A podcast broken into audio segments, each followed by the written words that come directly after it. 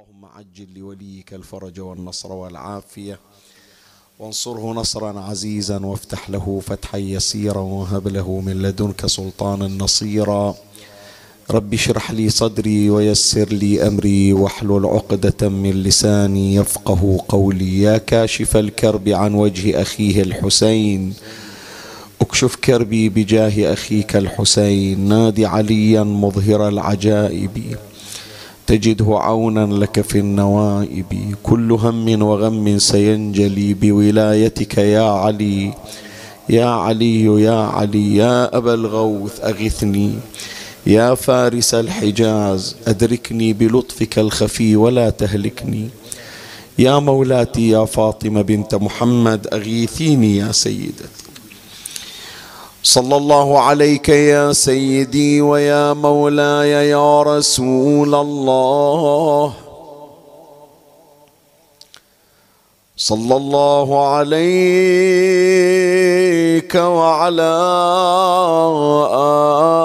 آلك الطاهرين. فاز من اعتصم بكم وامنا من لجأ إليكم. يا ليتنا كنا معكم سادتي. فنفوز فوزا عظيما.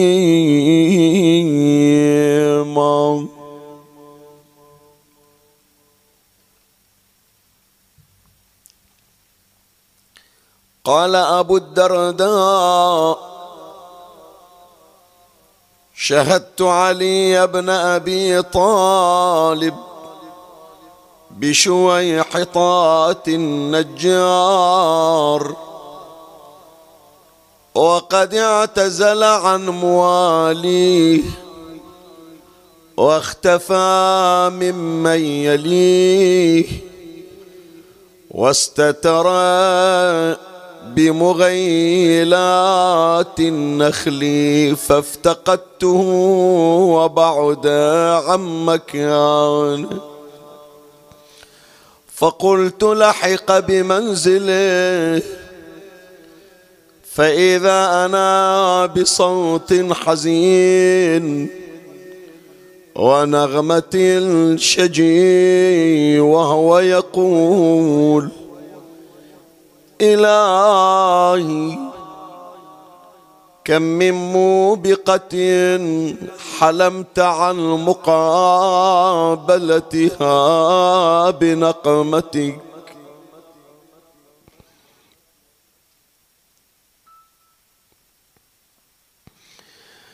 إلهي كم من موبقة حلمت عن مقابلتها بنقمتك. وكم من جريرة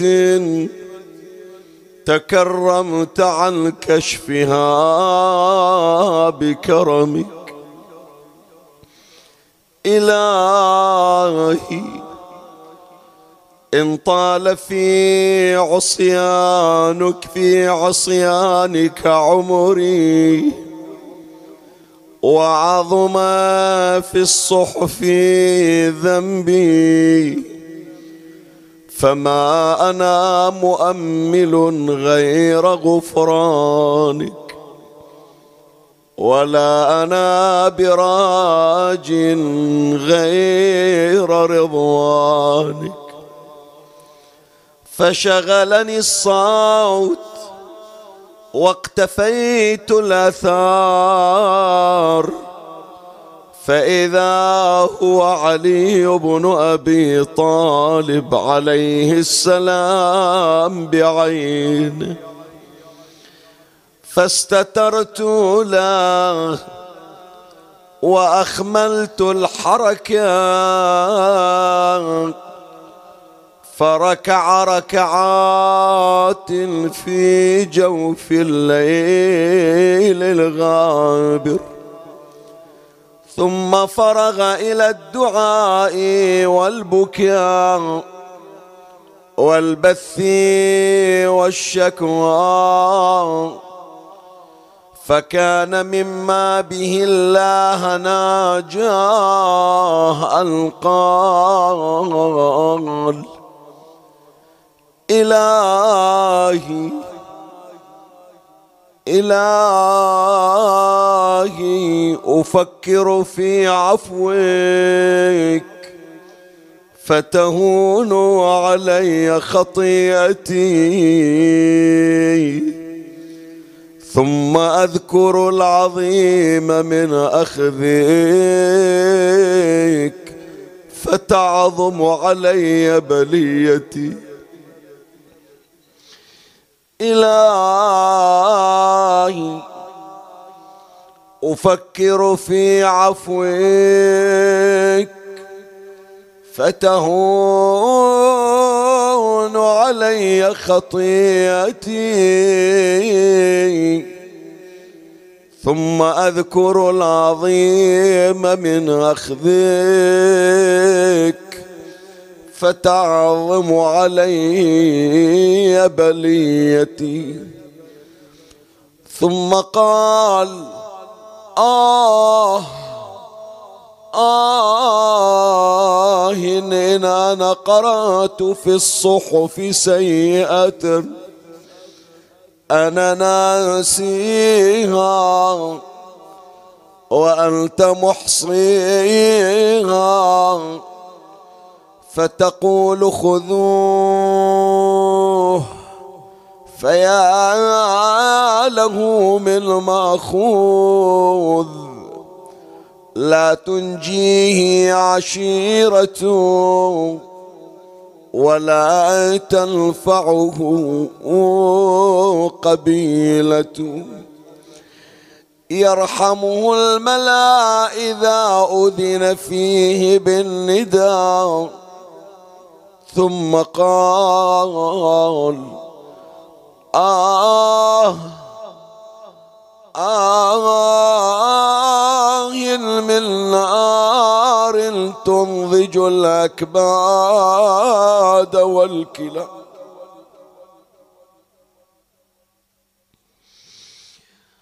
آه من نار تنضج الأكباد والكلى آه من نار النزاعة للشوى. آه من غمرة من ملهبات لظى. قال ثم أنعم في البكاء فلم أسمع له حسا ولا حركه فقلت غلب عليه النوم لطول السهر أوقظه لصلاة الفجر قال أبو الدرداء فأتيته فإذا هو كالخشبة الملقاة فحركته فلم يتحرك وزويته فلم يلزوي فقلت إنا لله وإنا إليه راجعون مات والله علي بن أبي طالب. قال فأتيت منزلا مبادرا نعاه إليهم.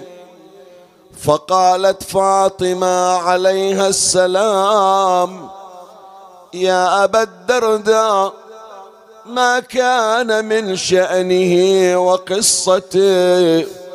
فأخبرتها الخبر فقالت هي والله يا أبا الدرداء الغشية التي تأخذه من خشية الله. ثم أتوه بما فنضحوه على وجهه فأفاق. ونظر إلي وأنا أبكي. فقال مما بكاؤك يا أبا الدرداء. فقلت مما أراه تنزله بنفسك. فقال يا أبا الدرداء فكيف لو رأيتني؟ ودعي لي إلى الحساب. وأيقن وأيقن أهل الجرائم بالعذاب. واحتوشتني ملائكة غلاظ. وزبانية فضاض فوقفت بين فوقفت بين يدي الملك الجبار فوقفت بين يدي الملك الجبار. وقد أسلمتني الأحبة ورحمني أهل الدنيا. لكنت أشد رحمة لي بين يدي من لا تخفى عليه خافية. فقال أبو الدرداء فوالله ما رأيت ذلك لأحد من أصحاب رسول الله محمد.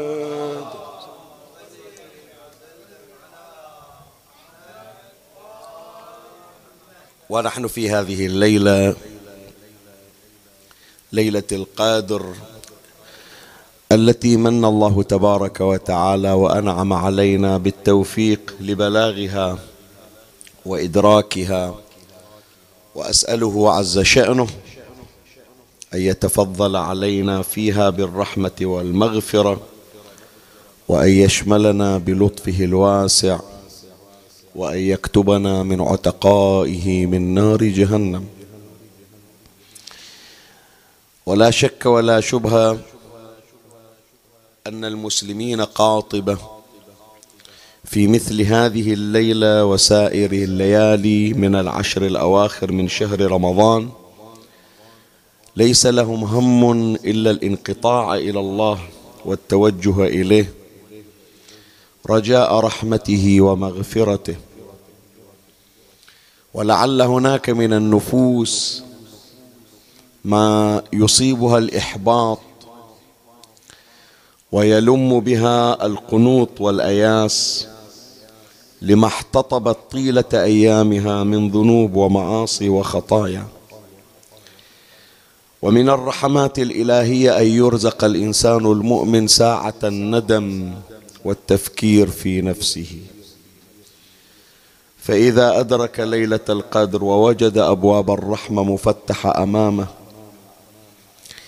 يخالجه هذا الشعور بأي وجه ألقى الله بأي بضاعة أستقبل الله. يتودد إلي وأنا أعصي كأن الله هو المحتاج إلي. وكأني أنا الغني عنه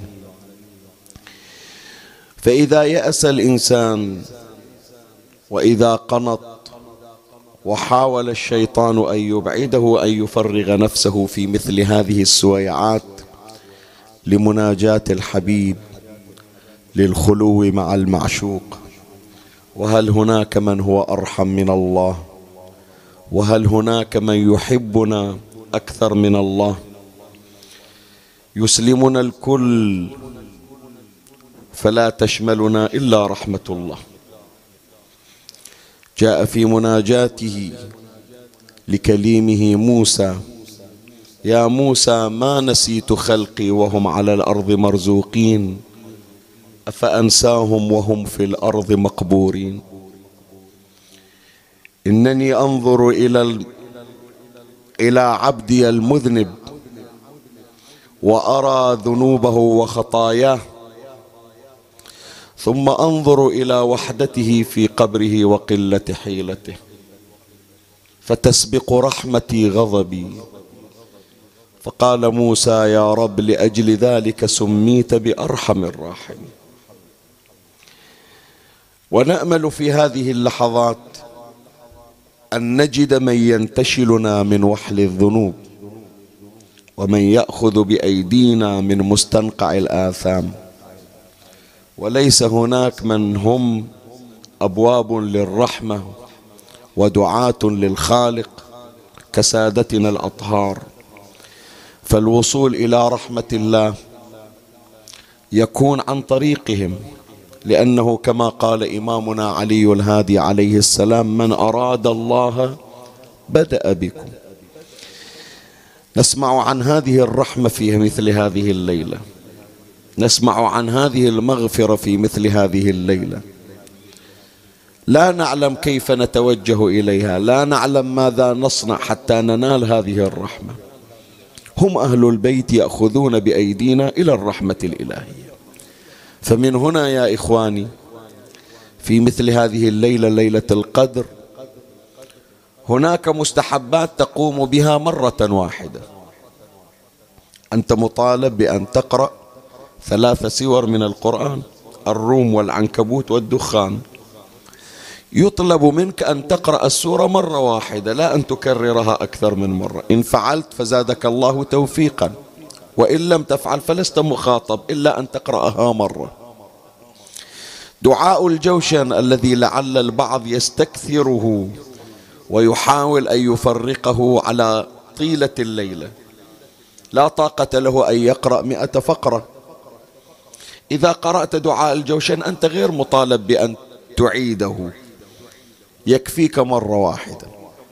كل الأعمال حتى زيارة الإمام الحسين عليه السلام مطالب في هذه الليلة أن تقرأها وأن تقوم بها مرة واحدة. إلا عمل من الأعمال أنت مطالب أن تكثر منه من أول الليل إلى آخر الليل ولا تتوقف عن ذكره. وهو الدعاء إلى إمامنا قائم آل بيت محمد صلوات الله وسلامه عليه.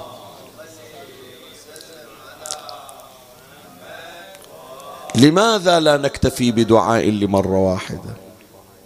لماذا لا يكون دعاء الفرج اللهم كن لوليك مرة واحدة يقرأ؟ كما أن دعاء الجوشن يقرأ مرة واحدة كما أن صلاة ليلة القدر تصلى مرة واحدة كما أن دعاء رفع المصاحف يقرأ لمرة واحدة كما أن السور القرآنية تقرأ لمرة واحدة. فلماذا الدعاء للإمام لا يكون مرة واحدة؟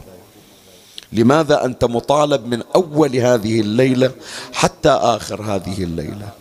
أن لا تتوقف من الدعاء إلى إمامك. ما السر في ذلك؟ لأنك في الأعمال تطلب رحمة الله والذي يقودك إلى رحمة الله. من هو؟ هو صاحب من أراد الله بدأ بكم. هو الذي يأخذ بأيدينا إلى رحمة الله. وإن كنا نجهل كيف نحصل على هذه الرحمة؟ هناك من يجهل ماذا يطلب في هذه الليلة.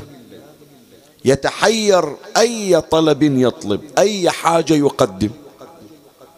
فكأنما إذا تعلقت بصاحب الزمان وبأذياله وأوكلته أمورك صار هو الذي يدعو لك لأنه أعلم بمصالحك وبمنافعك. فمن هنا يا إخواني بعد هذه المقدمة وهذا الاستهلال وعلى عادة جرينا عليها منذ أول الشهر لا تأتي ليلة إلا ونجلس على سفرة علي على مائدة أمير المؤمنين صلوات الله عليه. نريد من أمير المؤمنين أن يأخذ بأيدينا في هذه الليلة إلى ساحة الرضا الإلهي وإلى باحة الرحمة الإلهية. هو الذي يعلمنا كيف نتوجه إلى الله. هو الذي يرشدنا كيف ننقطع إلى الله. هو الذي يأخذ بيدنا لنكون أقرب إلى الله. فلهذا يا إخواني في هذه الليلة ليلة القدر نريد من عبادتنا أن تكون عبادة علوية. نريد أن نكون علويين مع الله. يعني أن نعبد الله تبارك وتعالى على نهج علي على خطى علي على ما رسمه لنا علي بن أبي طالب عليه السلام. وعنوان بحث هذه الليلة عبادة الإمام علي عليه السلام. أنا تعمدت أنه هذا البحث أخليه في مثل هذه الليلة. للمناسبة إحنا بحاجة في مثل هذه الليلة إلى أن نوظف أنفسنا لأن نكون أكثر قربا من الله تبارك وتعالى. العبادة اللي كانت قبل ليلة القدر عليها الصدأ والغبار الليلة نريد عبادة لها بريق لها لمعان. تكون عبادة مميزة تنظر إليها الملائكة ترفعها إلى الله عز وجل تكون أكثر قبولا. ولن تجد عبادة مميزة بعد عبادة النبي الأكرم صلى الله عليه وآله إلا عبادة علي بن أبي طالب. سلام الله عليه. فالحديث هذه الليلة عن عبادة الإمام علي عليه السلام والحديث سيكون في فصول ثلاثة أمر عليها سريعا. أراعي أن هذه الليلة نحن مشغولون بطقوس العبادة وإنما حتى لا تنقطع العادة وهذا المجلس هو من ضمن فصول العبادة. يعني إحنا المجلس الحسيني أولا هذا تعليم وهو من ضمن مراسم ومن ضمن أوراد هذه الليلة. طلب العلم وليس علم بأشرف من علوم أهل البيت عليهم السلام. ثانيا مجلس يذكر فيه أهل البيت تنزل فيه الرحمة. وتنزل فيه الملائكة. أسأل الله تبارك وتعالى أن يشملنا وإياكم بنظرة منهم لا نشقى بعدها أبدا بحرمة الصلاة على محمد وآل محمد. اللهم صل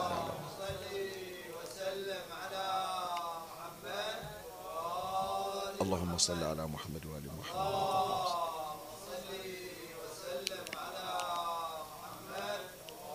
اللهم صل على محمد محمد وجل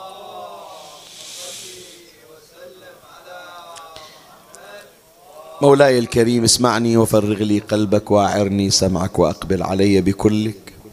بحث هذه الليلة بعنوان عبادة الإمام علي عليه السلام ويشتمل البحث على فصول ثلاثة أمر عليها تباعا. أول فصل يحمل عنوان تأسي العابدين بعبادة أمير المؤمنين سلام الله عليه. لا تظن بأن عبادة الإمام علي عليه السلام لم تبهر إلا البعيدين عن الله. شلون يعني؟ يعني قد واحد يقول لأني أنا ما أعرف شلون أعبد الله أو لأني أنا ما عندي الرغبة في عبادة الله. فأنا أتمنى أنه أسمع عن عبادة أمير المؤمنين عن صلاة أمير المؤمنين حتى أتشوق إلى العبادة أكثر وأكثر. بس طبعا القريبين من الله عز وجل ما محتاجين أنهم يقرون في عبادة علي لأنه خلاص عرفوا شلون يعبدون الله. هذه العبادة وصور العبادة يحتاجها الشخص اللي بحاجة أنه يتعلم العبادة من جديد. أما الشخص العابد هل بحاجة إلى أن يقرأ عن عبادة علي بن أبي طالب؟ وبمعنى آخر هل نظن أن إمامنا صاحب الزمان عجل الله فرجه الشريف بحاجة إلى أن يحاكي ويتأسى ويقتدي بجده علي في العبادة أو أن عبادته تكفيه إحنا نتصور بأن الإمام بعد خلاص ما دام إمام هو عبادة صاحب الزمان مضرب مثل بعد. ما يحتاج أنه تعال أقرأ في قصص عبادة علي في أدعية علي في مناجاة علي. كيف كان علي يعبد الله؟ هذا لعل البعض يخطر في ذهنه هذا المعنى. بس الروايات تشير يا إخواني. إلى أن الأئمة المعصومين عليهم السلام يتأسون بجدهم أمير المؤمنين في العبادة. من تسمع عن سجدة موسى ابن جعفر عليه السلام. من تسمع عن الصحيفة السجادية لإمامنا زين العابدين عليه السلام. من تسمع عن إحرام جعفر بن محمد الصادق عليه السلام.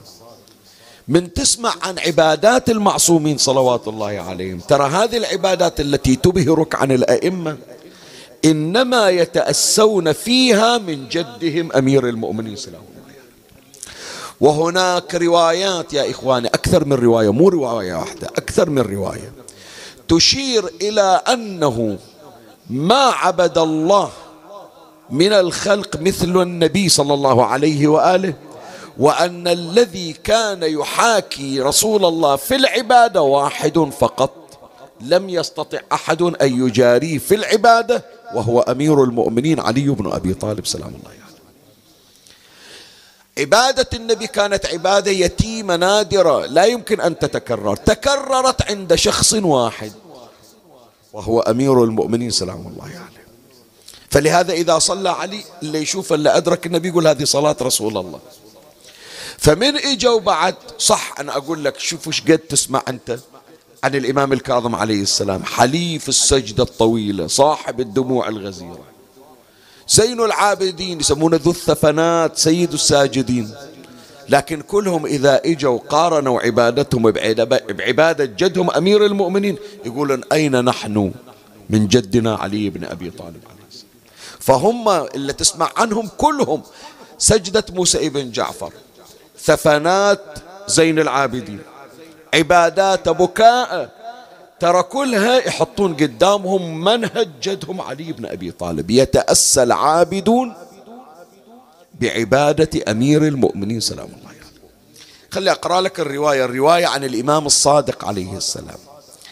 يصف عبادة جده الإمام زين العابدين. الإمام الصادق ينقل عن أبيه الباقر في وصف عبادة جد زين العابدين. انت تقول لي الآن شيخنا إيش جيب هذا الكلام؟ إحنا نحكي عن أمير المؤمنين. إيش جيب زين العابدين؟ راح تشوف بأن الأئمة كلهم ماخذين نهج أمير المؤمنين في العبادة. تابع مع الرواية. عن الإمام الصادق عليه السلام قال ولقد دخل أبو جعفر ابنه. يعني يحكي عن أبيه. أن الإمام الباقر دخل على الإمام زين العابدين. ولقد دخل أبو جعفر ابنه عليه. فإذا هو قد بلغ من العبادة ما لم يبلغه أحد.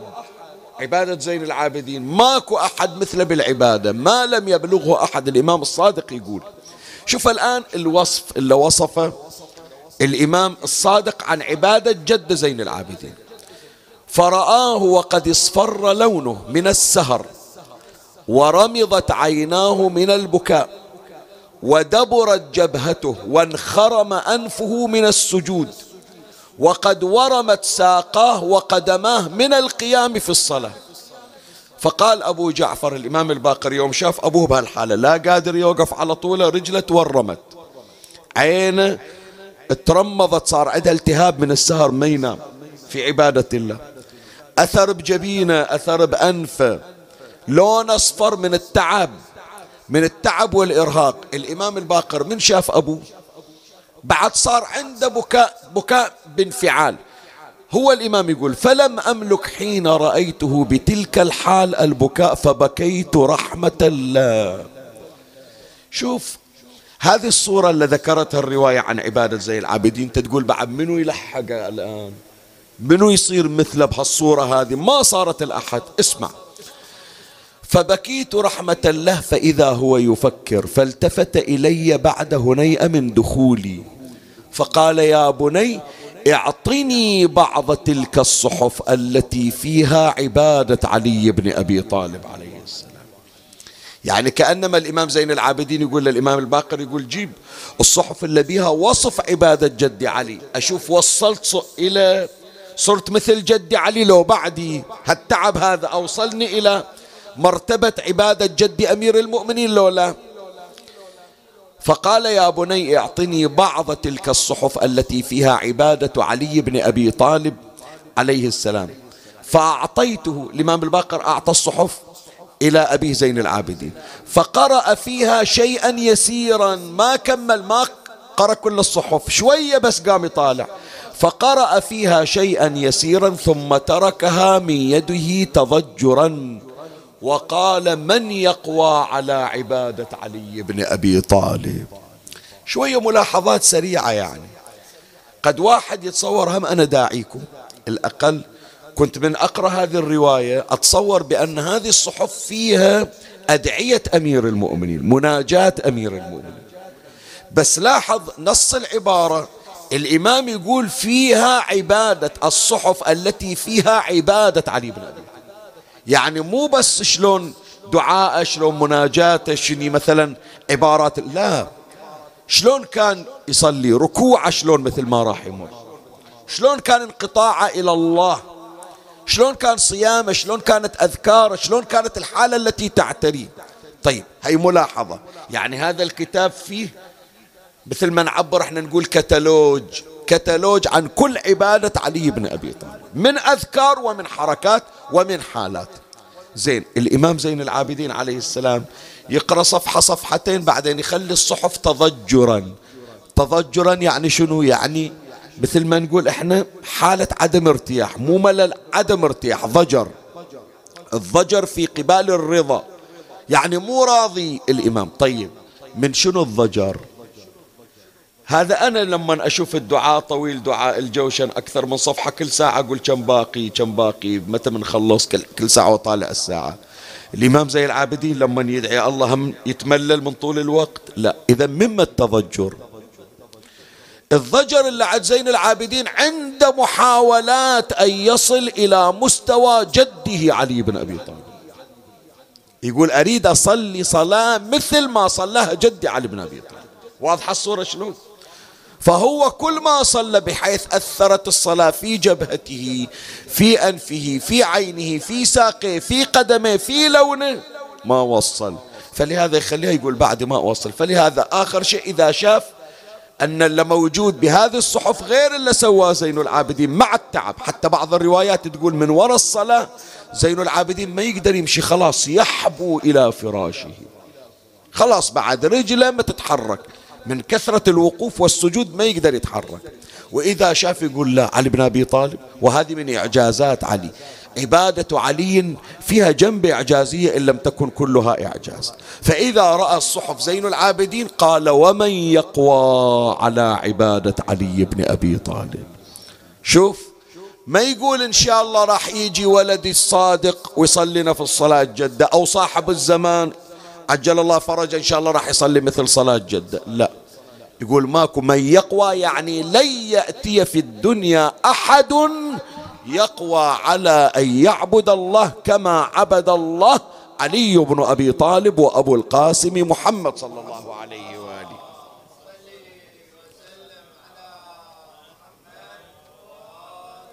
فإذا يا إخواني هذا نموذج من تأسي العابدين.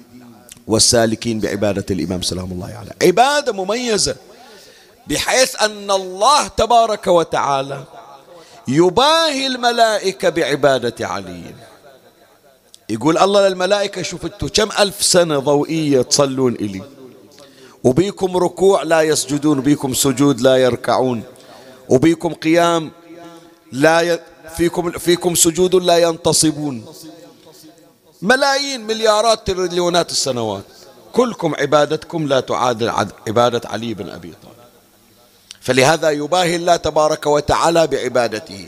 الرواية عن رسول الله صلى الله عليه وآله نزل علي هو يقول النبي صلى الله عليه وآله نزل علي جبرائيل صبيحة يوم الغار.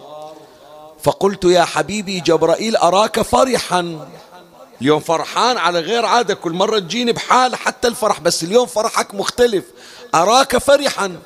فقال يا محمد وكيف لا أكون كذلك؟ وقد قرت عيني بما أكرم الله به أخاك ووصيك وإمام أمتك وإمام أمتك علي بن أبي طالب. اليوم يقول عندنا بالسماء صاير احتفال. مسوين تكريم الأمير المؤمنين.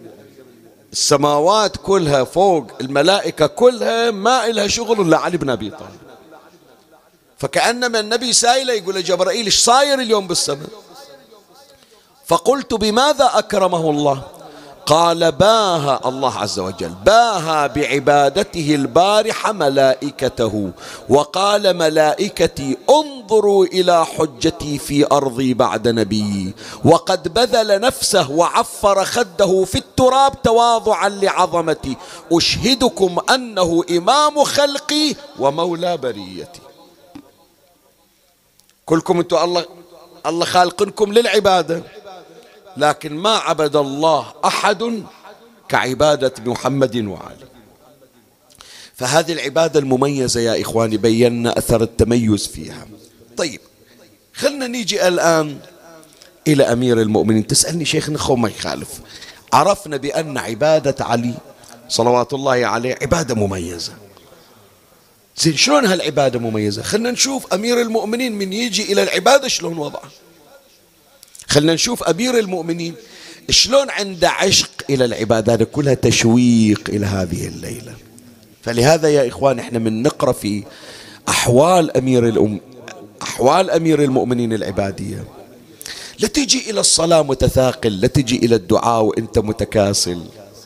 لا تجي إلى القرآن وإنت متململ. خلي يصير عندك العشق العلوي. خلي يصير عندك التوجه العلوي في العبادة. أنا أتعمد أنه خصوصا في هذه الليلة نثير مثل هالأمور. كيف كان سادتنا؟ كيف كان إمامنا ومقتدانا؟ حتى مو أقول والله إيش سويت الليلة؟ والله الحمد لله قرينا السوار صلينا صلاة الليلة القدر قرينا دعاء جوشان بعد قال السنة صلينا صلاة جعفر. بعد قال كل الأعمال سويناها وزيادة. أريدك تجي تقول لي والله شيخنا توفقنا إلى أنه في كل مرة نقول سبحانك يا لا إله إلا أنت الغوث الغوث خلصنا من النار يا رب رزقنا في كل ذكر مئة مرة دمعة من خشية الله. مو كل ساعة أطالع الساعة قد باقي. مو كل ساعة أفكر والله طول الإحياء طول خاف ما نلحق على السحور. السحور ممكن تتدارك ليلة القدر إذا راحت وين تتدارك؟ فأريد هذه البذرة بذرة العشق العلوي للقرب الإلهي نحصل عليها. هذا اللي ندور عليه. يا إخواني دعاكم القريناه مثل ما قراه علي. لكن هل الإحساس اللي عندي وأنا أقرأ دعاكم مثل الإحساس اللي عند علي؟ الحروف عندك الكلمات عندك السطور عندك. لكن أريد نورانية علي تصير بقلبك بحيث تبكي ويق وتقع في حالة من الإغماء وفي حالة من التوجه إلى الله ليس كمثلها نظير بحيث تنقطع عن كل شيء إلا عن الله. وذلك ببركات أمير المؤمنين. سلام الله عليه. يعني. خلينا نشوف أمير المؤمنين. كيف حبه للعبادة؟ حبه لذكر الله. هذا واحد. عشق أمير المؤمنين إذا ذكر الله تبارك وتعالى. تصور لما تقول لواحد اليوم كم مرة صليت على محمد وآل محمد؟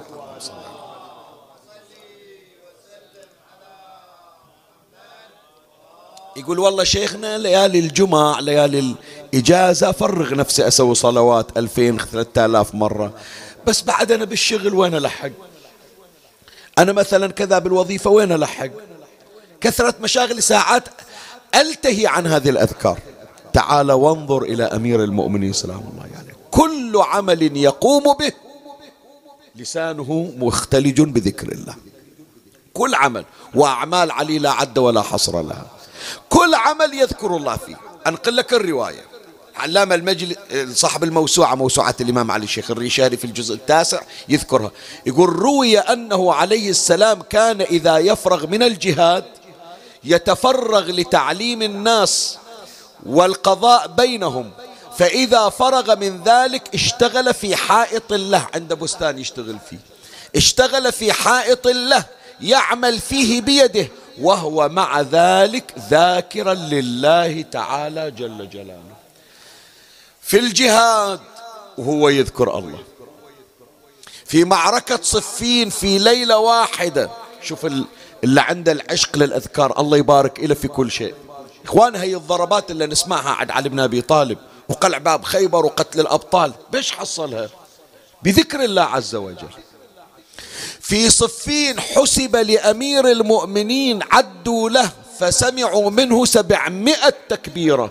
كل تكبيرة برأس قطعه من رؤوس الأعداء يستعين في القتال بذكر الله عز وجل.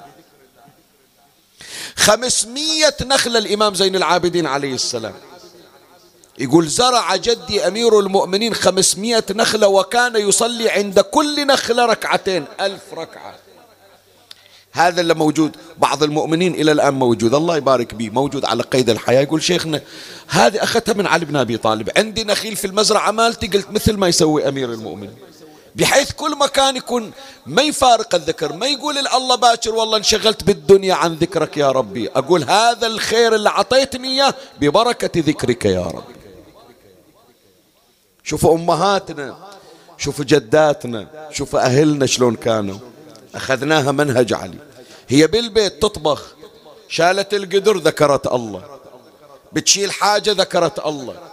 ليش صارت بركة بحياتنا يا إخواني؟ من وين البركة؟ من ذكر الله. منين أخذناها؟ من علي بن أبي طالب. فكان محبا لذكر الله عز وجل. تعال شوف حبه إلى الصلاة شلون. أمير المؤمنين حبه إلى الصلاة شلون. اكو واحد يقول شيخنا أنا احب الصلاة لكن ساعات تجي حالات بعد شو أسوي من غير اختيار تعال وانظر إلى علي. في المواطن والمواقف التي يتصور البعض بأنه لن يكون قادرا على أن يؤدي الصلاة في وقتها. يفاجأ بمواقف أمير المؤمنين. الرواية يذكرها العلامة المجلسي في الجزء الثمانين من بحار الأنوار. قال كان علي عليه السلام يوما في حرب صفين مشتغلا بالحرب والقتال وهو مع ذلك بين الصفين يراقب الشمس. العسكر كله هجم على علي بن أبي طالب وعلي ما يتضعضع أقوى من الجبل وأشد. يفرق الصفين وعينه بس طالع بالسماء ورد قاتل ويطالع بالسماء. ابن عباس قال ما أدري عند علي بن أبي طالب. ينتظر شيء ينزل عليه من السماء يعني؟ اسمع الرواية. كان علي عليه السلام يوما في حرب صفين مشتغلا بالحرب يعني وقت الحرب هذا والقتال وهو مع ذلك بين الصفين يراقب الشمس. فقال له ابن عباس يا أمير المؤمنين ما هذا الفعل؟ خل عينك على هلا جايينك ذولا. اطالع بالشمس إيش عندك ويا الشمس؟ ما هذا الفعل؟ فقال أنظروا إلى الزوال حتى نصلي خاف يصير وقت الصلاة وإحنا مشغولين. قاعد أتابع كم باقي وقت على الأذان. عيني على الشمس. والسيوف والرماح والسهام جاية والكتائب كتيبة ورا كتيبة. وعلي وين؟ عينه على وين؟ على الشمس. خلي أكمل لك الرواية. فقال له ابن عباس يا أمير المؤمنين ما هذا الفعل؟ قال انظروا إلى الزوال حتى نصلي. فقال له ابن عباس وهل هذا وقت صلاة؟ انت الآن لو ترفع راسك وتنشغل يجيك سهم يجيك رمح يجيك طعنة موت فيها. خو خلص المعركة وروح صل وتعال كمل. شلون يصير؟ وهل هذا وقت صلاة؟ شوف علي إيش قال له. شوف أمير المؤمنين ماذا قال. وهل هذا وقت صلاة؟ إن عندنا لشغلا بالقتال عن الصلاة. فقال عليه السلام على ما نقاتله. إحنا جايين المعركة ليش يعني؟ ندور مناصب ندور فلوس ندور ذهب. لو جايين حتى نقيم دين الله وعمود الدين شنو هي؟ الصلاة. فإذا إذا شافونا ليش جاي يا علي تقاتلنا؟ جاي من أجل الدين ومن أجل الصلاة. طيب يوم اللي صار وقت الصلاة شوف أنت ملتهي عنها. شنو بس حكي؟ لعلي فعله يسبق قوله. فلهذا قال على ما نقاتلهم إنما نقاتلهم على الصلاة. حتى يعرفون بأن إحنا أصحاب قضية هذه اللي قاتلناكم عليها قدامكم تشوفوننا فلهذا نقراها في الزيارة. أشهد أنك قد شنو؟ أقمت الصلاة. ما فرط فيها علي سلام الله عليه. يعني. يشوف هذاك نايم والسيف تحته ويدري إذا تقدم إلى المحراب راسه عقب لحظات راح يصير نصين. قال خله يصير نصين ولا أخر. هي نافلة اللي صلاها علي نافلة. قال حتى النافلة ما أضي. ولهذا قال علي فزت. فزت يعني شنو يعني فزت يعني شنو؟ ما فكرت فيها. شنو فزت؟ ما قال فزت في بدر ما قال فزت في أحد ما قال فزت في الخندق ما قال فزت يوم قلع الباب. قالها في المحراب ورأس نصين. شنو فزت؟ عباس محمود العقاد يقول إلى الآن ويقول ولا أظن أحد راح يجاوب على هالسؤال. ليش قال فزتوا؟ ما أظن أحد يعرف. لا عمي نعرف.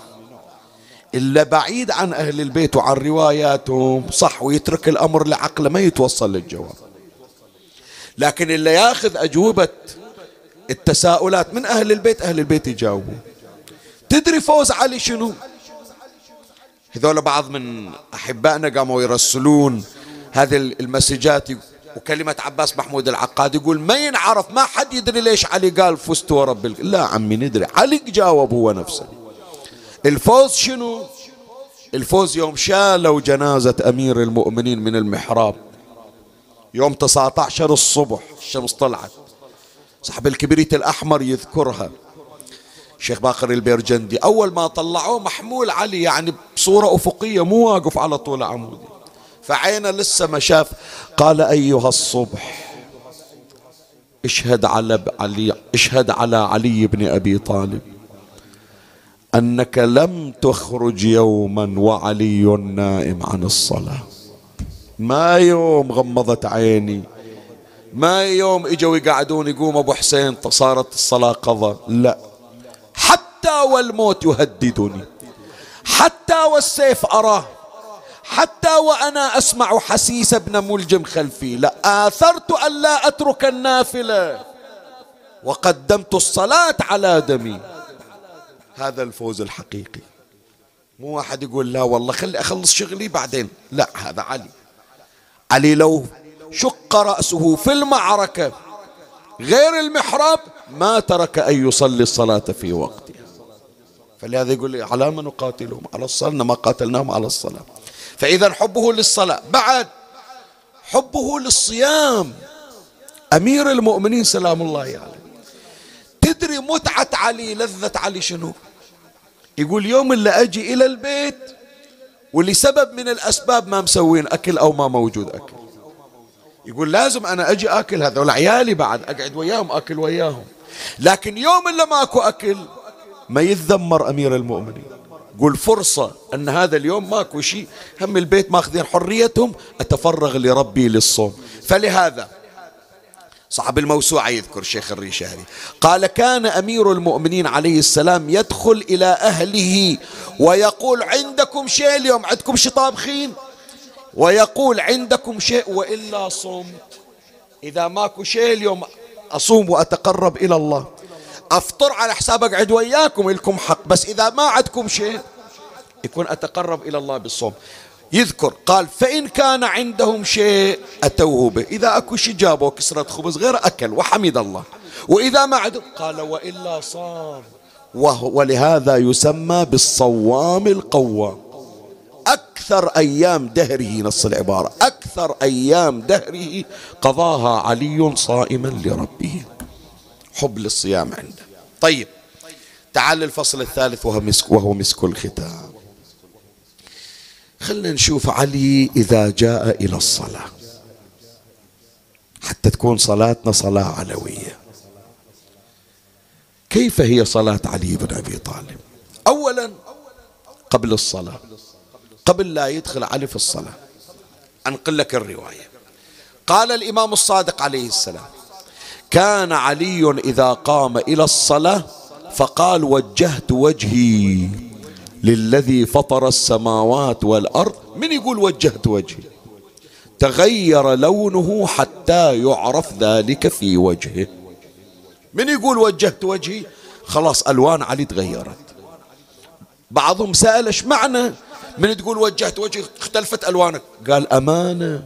وقت تسليم الأمانة الآن الله راح يطالبنا. هذا قبل الدخول في الصلاة. زين دخل في الصلاة. شوف هيئة صلاة علي شلون. اسمعوا يا أحبائي من توصلكم هالعبارة؟ استخدمها مقياس إلى صلاتك. يستخدمها هذا الشخص المسرع في ركوعه المسرع في سجوده. إلى اللي, إلى اللي لطم على صدره ودمعت عينه إلى اللي ما خلى الثلاث ليالي الشهادة إلى عاشق علي إلى اللي مخلي اللوجو بالواتساب أو بالإنستغرام ماله أو بأي برنامج يا علي. وهو عنده استعجال في صلاته وهو عنده تذمر من انحناء ظهره. خلنا نشوف علي بن أبي طالب 63 سنة عمره. من يركع شلون ركوع علي؟ سؤال أسأل. من يركع علي. شلون ركوعه؟ قبل لا أقرأ لك الرواية. أمير المؤمنين يدري ابن ملجم وراه لو ما يدري. هو يقول له يقول له لو شئت لأخبرتك بما تحت ثيابك لقد هزمت على شيء تكاد السماوات يتفطرن منه. وتنهل وتنشق الجبال وتنهد الأرض وتنشق الجبال وتنشق الجبال وتهد الأرض. هدة وتنهد الأرض هدة أدري عنك ولو شئت لأخبرتك بما تحت ثيابك. يدري ابن ملجم واقف وراه. هذا اللي يدري راح تجيه ضربة من وراه ياخذ استقراره في الصلاة.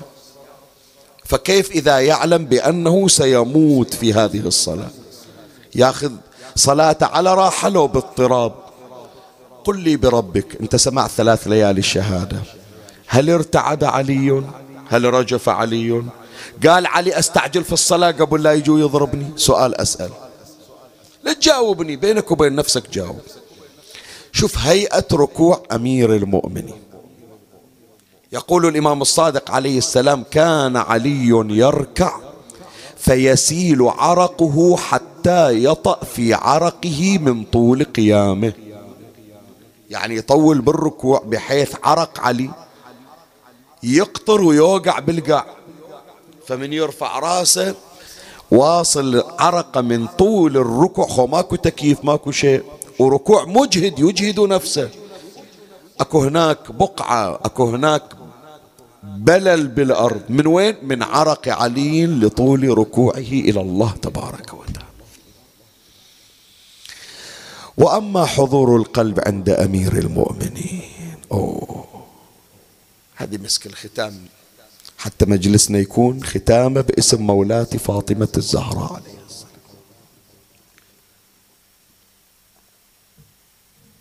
صاحب الموسوعة يقول إجوا إلى الزهراء عليه السلام. قالوا لها ام حسين أمير المؤمنين بالمعركة صاد النصل برجله. يعني راس سهم السهم اجا وقع وين؟ برجل علي بن أبي طالب. فاحنا نريد النزعة بس هيبة علي نخاف نأذيه ما إحنا قادرين نشيل شو نسوي؟ نجيبه حتى انت تشيلينه؟ قالت لا. انتظروه إلى أن يدخل بالصلاة. وشيلوا اللي تريدون تشيلونه من علي. إيه ليش إيش معنى؟ قالت من يدخل بالصلاة بعد ما يحس إيش صاير؟ خلاص. هو والله عز وجل. أقرأ لك النص. وقع رجل وقع في رجله نصل فلم يم فلم يمكن من إخراجه فلم يتمكن من إخراجه. فقالت فاطمة عليها السلام أخرجوه في حال صلاته فإنه لا يحس بما يجري عليه حينئذ فأخرج وهو في صلاته. خلوه إلى أن يصلي وإجوا سحبوا السهم عليه أبدا ولا يتحرك. في معركة صفين جرت نفس القضية. سهام في في جسم علي. مو سهم مو نصل مثل الأيام الزهرة. سهام. وعلي واقف للصلاة. من دخل بالصلاة؟ إجا الإمام الحسن. ينزع النصال ينزع الأسهم. فمن خلص أمير المؤمنين سلم خلاص بعد هبط من عروجه. العروج اللي كان عنده بالصلاة الآن خلاص عاد إلى دنيا علي. شاف وإذا السهام منزوعة مشلوعة التفت إلى الحسن قال هي فعلتك. أنت اللي سويتها. تعرف تعرف متى تنزع. أقرأ لك النص. قال إذا أرادوا إخراج الحديد والنشاب من جسده الشريف تركوه حتى يصلي فإذا اشتغل بالصلاة وأقبل إلى الله تعالى أخرجوا الحديد من جسده. مو سهم مو اثنين من راسه إلى أقدامه. كلها سهام. أخرجوا الحديد من جسده ولم يحس فإذا فرغ من صلاته يرى ذلك فيقول لولده الحسن إن هي إلا فعلتك يا حسن. أنت لسويتها. تعرف متى أنا يكون عندي انقطاع عن الدنيا وما فيها. وهكذا كان علي عليه السلام في كل أحواله. ومن الأشياء اللي يذكرونها الأمير المؤمنين يقولون ما ترك صلاة الليل حتى في ليلة الهرير. ليش قالوا ليلة الهرير؟ ليلة الهرير في معركة صفين. ذيك الليلة يسمونها ليلة الهرير بعد خلص الناس اصطكت أسنانها من شدة الرعب. الأسلحة تكسرت صار اشتباك بالأيدي. والقتال إلى منتصف الليل. ما يشوفون وإذا السهام الواحد تجيه الضربة ما يدري من وين. وعلي أحصيت له سبعمائة تكبيرة. كل تكبيرة برأس. الله أكبر الله أكبر. شوية انقطع صوت علي. مالك الأشتر قال أخاف ما أدري ظلمة ليل. سهم إجا صابة سهم طايش. قتل علي انجرح علي بحاجة المساعدة شلون؟ شو نسوي؟ قالوا له مالك شو نسوي؟ قال يلا اللي يريد اللي عنده علي غالي يتبعني. وأخذ مالك غمد سيفه وكسره برجله. هذه علامة. من واحد يكسر قراب السيف غمد السيف يعني ما أرجع إلا بحاجتي. هذا المقصود. يريد يقول لو أنقتل لو أجيب علي. واحدة من ثنتين. أرجع من غير علي سالم مستحيل. إلا عنده تضحية إلا عنده علي غالي خليه يسوي مثلي. فتكسرت أغمدة السيوف. وإجوا انقضوا في قلب المعركة نص الليل وإذا علي صف قدميه يصلي لربه. أبد كأنما بالكعبة ولا كأنما معركة. مالك صاح بسرعة يلا سوى حلقة داير مدار أمير المؤمنين. خاف سهم يوصل. إذا إجا سهم نكون إحنا درع علي وقاء لعلي. فرغ علي من الصلاة ابن عباس من ظهره الوجه علي ومستقبل القوم بوجهه حتى السهام تجي بوجهه. من فرغ قال يا أبا الحسن يا أمير المؤمنين أها هنا صلاة؟ شايف أنت السهام؟ قال شايف السهام. ابن أبي الحديد يقول السهم يمر على صماخه يمر يم إذنه فوق رأسه. أبدا علي أبدا ولا ولا شعرة تهتز من عنده. أهل الولاية ليلة قدر. افتقدوا عليا وانقطعوا وانقطع صوته. فتكسرت أغمدة السيوف حتى يأتوا بعلي. وانقطع صوت حسين في المعركة. منو راح يدور عليه؟ على 12 ألف واحد من شيعته يتقدمهم مالك. قال ما نرجع إلا بعلي ورجعوه سالم. وهالغريب يا غريب كربلاء؟ ما حد وياه يعاون بالمعركة. أضر به العطش أظلمت الدنيا في عينه. مخلي حريمه وعياله بالمخيمة. ثلاثين ألف دايرة عليه. وكل ساعة ويرفع صوته كل ساعة ويرفع صوته. كل ساعة ويصيح الله أكبر الله أكبر. ويرد يصيح أنا الحسين بن علي. ليش؟ يعني زينب أنا موجود لا تخافي ما ضعتي بعد موجود. شوية وإذا صوت حسين انقطع. قالت إحدى العلويات ما لي لا أسمع لابن أمي صوتا. الثانية قالت بلى ولا أرى له شخصا هذا أنا رفع طرف الخيمة ما يبين أبو علي. الثالثة قالت لعل الخيل حجبته عنا صاحت زينب حاشاه. هذا ابن والدي. حاشاه حاشا ابن أمي أن تحجبه خيل أو رجال. غيور أبو علي ما يخلي نسوانه بيد الأجانب. بس ما أدري منع عنه شوية وإذا صوت صهيل الفرس الظليمة الظليمة من أمة قتلت ابن بنت نبي. قومي سكينة قومي. قومي وصل أبوك بالسلامة قومي. خرجت سكينة تنتظر عودة أبيها وإذا الجواد خال من راكبه. والسرج مائل إلى جانب والدم يسيل على عرفه. من وين الدم حجي؟ من وين الدم؟ من سهم أصاب قلب الحسين. أمخدرات محمد؟ قوموا فقد ذبح الحسين. وغاب بدركم السني قد جئتكم مستصرخا يا زينب